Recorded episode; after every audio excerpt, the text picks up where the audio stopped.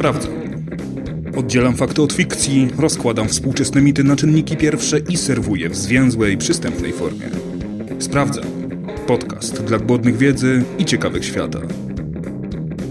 Mam na imię Adam, a dziś zmierzymy się z sekretami dzieciństwa, złymi korporacjami oraz ludzkim uporem.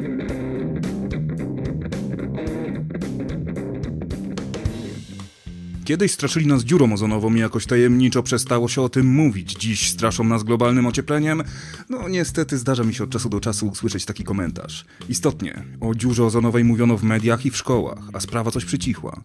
Zapraszam zatem na krótką przejażdżkę parę lat wstecz, w której przyjrzymy się na czym polega zjawisko dziury ozonowej, czemu mielibyśmy robić z tego jakąkolwiek aferę, ale przede wszystkim jak to się stało, że sprawa coś przycichła. Sprawdzam. Ogromne podziękowania dla pani dr Aleksandry Kardaś, fizyczki atmosfery, redaktorki strony Nauka o Klimacie oraz współautorki książki pod tym samym tytułem za konsultację treści odcinka i wyłapanie paru moich nieścisłości. W stratosferze naszej planety znajduje się specjalne miejsce o szczególnie wysokiej koncentracji ozonu. Jego istnienie jest naturalną konsekwencją tego, w jaki sposób zbudowany jest nasz świat. Cząsteczki tlenu poddane działaniu promieniowania ultrafioletowego pochodzącego ze Słońca rozpadają się na pojedyncze atomy, a że strasznie im niekomfortowo w takim stanie, chętnie zareagują, by związać się w coś w miarę stabilnego. W wyniku reakcji pojedynczego atomu tlenu z cząsteczką tlenu powstaje cząsteczka ozonu, zawierająca trzy atomy tlenu. Nie jest to struktura szczególnie stabilna i ulega rozpadowi, gdy będzie miała okazję wejść w jakiś stabilniejszy związek, ale pod wpływem promieniowania ultrafioletowego również może się rozbić, robiąc nam w górnych warstwach atmosfery nieustannie bulgoczący kocioł. Ozon ma niezwykle istotną właściwość, która przyczynia się do tego, że życie na Ziemi jest możliwe. Całkiem nieźle radzi sobie z pochłanianiem promieniowania ultrafioletowego, którego nadmiar prowadzi do poważnych uszkodzeń organizmów żywych. Więcej o różnych rodzajach promieniowania i ich wpływie na tkankę mówiłem w odcinku o mikrofalach i smogu elektromagnetycznym. Poważny ubytek w ochronnej warstwie ozonowej byłby śmiertelnym zagrożeniem, nie tylko dla naszej cywilizacji, lecz dla niemal całego życia, jakie znamy, za wyjątkiem tego, które schowane byłoby głęboko pod wodą, chronione przed nadmiarem promieniowania. Po 4,5 miliarda lat od uformowania się naszej planety nadchodzi rewolucja przemysłowa, przenieśmy się więc do początku XX wieku. Człowiek potrafi już kontrolować otoczenie w niespotykany dotąd sposób. Eksperymentuje z nim, podporządkowuje świat sobie różnymi niekoniecznie bezpiecznymi metodami. Rzeczy tak proste jak lodówka wykorzystują mało dla człowieka amoniak, co w razie wycieku powoduje niemało problemów. Więc człowiek poszukuje rozwiązania bezpieczniejszego. W 1930 roku zarejestrowana zostaje nazwa handlowa freon, czyli dichlorodifluorometan, a w ciągu kolejnych kilku lat parę podobnych chlorofluorowęglanów.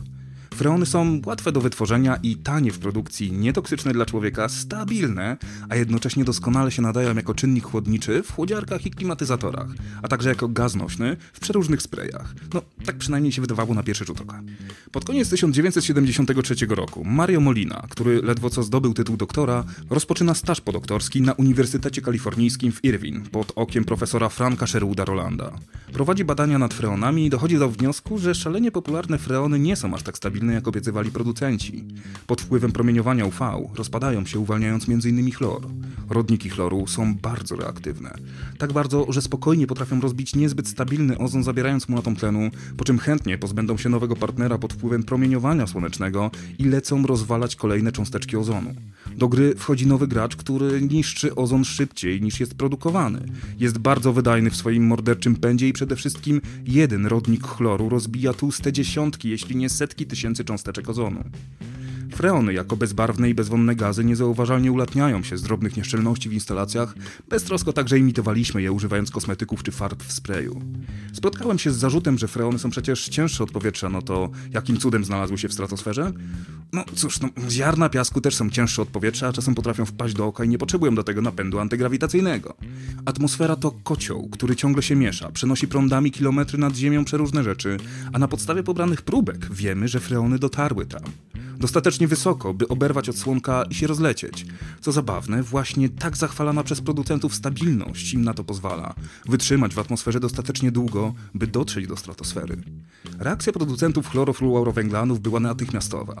Nazwali doniesienia kompletnym bełkotem, zaś wycofanie freonów z użycia miało być według nich zapalnikiem zapaści gospodarczej, która zrujnuje światową ekonomię i cofnie nas w rozwoju.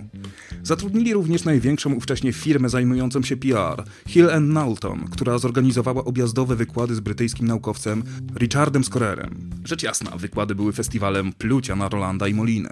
Sam Mario Molina w wywiadzie w 1985 roku podsumował swojego oponenta słowami Ten pan jest dobry w atakowaniu. Nie wykonał jednak żadnej pracy naukowej w tym temacie. Producenci freonów również podpierali się pracami naukowymi, starannie wybranymi, których wnioski były zupełnie inne niż wnioski Rolanda i Moliny, zazwyczaj z pism o wartości naukowej zbliżonej do gazetki z Lilla. Atakowali naukowców alarmujących o wpływie freonów na warstwę ozonową, twierdząc, że kręcą dramę tylko po to, żeby wyżebrać fundusze na badania albo zabłysnąć w mediach. Atakowali całe środowisko naukowe, bo przecież naukowcy i tak jak się czegoś nowego dowiedzą, to zmieniają zdanie, więc nie można im ufać. Przyparci do muru twierdzili również, że potrzeba przecież więcej badań, a poza tym taniej będzie dla nas wszystkich przyzwyczaić się do nowych warunków niż zabraniać produkcji freonów. A produkowali w latach 70. około milion ton każdego roku.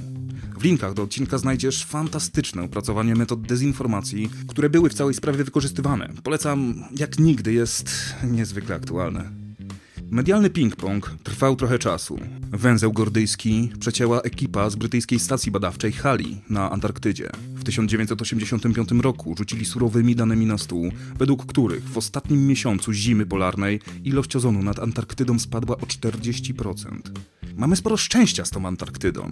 Długie noce polarne, a zatem długi czas braku zasilania ze słońca niezbędnego do produkcji ozonu, a także nietypowe prądy powietrza dały nam fajne środowisko testowe pokazujące, co nas czeka, jeśli się nie opamiętamy.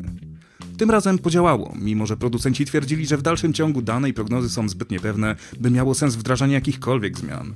Ale zaledwie dwa lata później ponad 160 państw z całego świata przyjmuje protokół montrealski zobowiązujący do natychmiastowej redukcji produkcji i użycia w sumie 95 substancji niszczących warstwę ozonową, a docelowo do wyzerowania produkcji.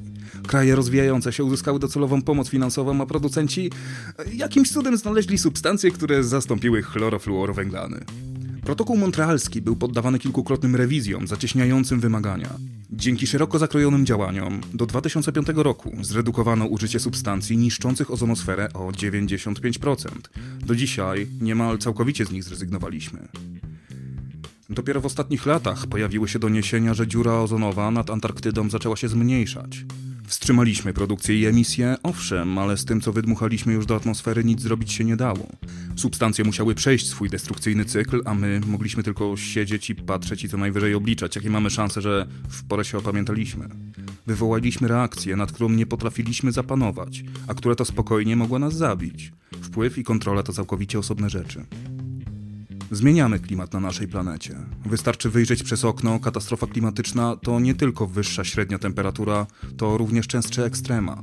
To tornada w Polsce i coraz bardziej niszczycielskie huragany na Florydzie. To gwałtowne burze i paraliże całych miast, przez kilkunastominutowe opady deszczu, to ekstremalnie gorące dni i tropikalne noce.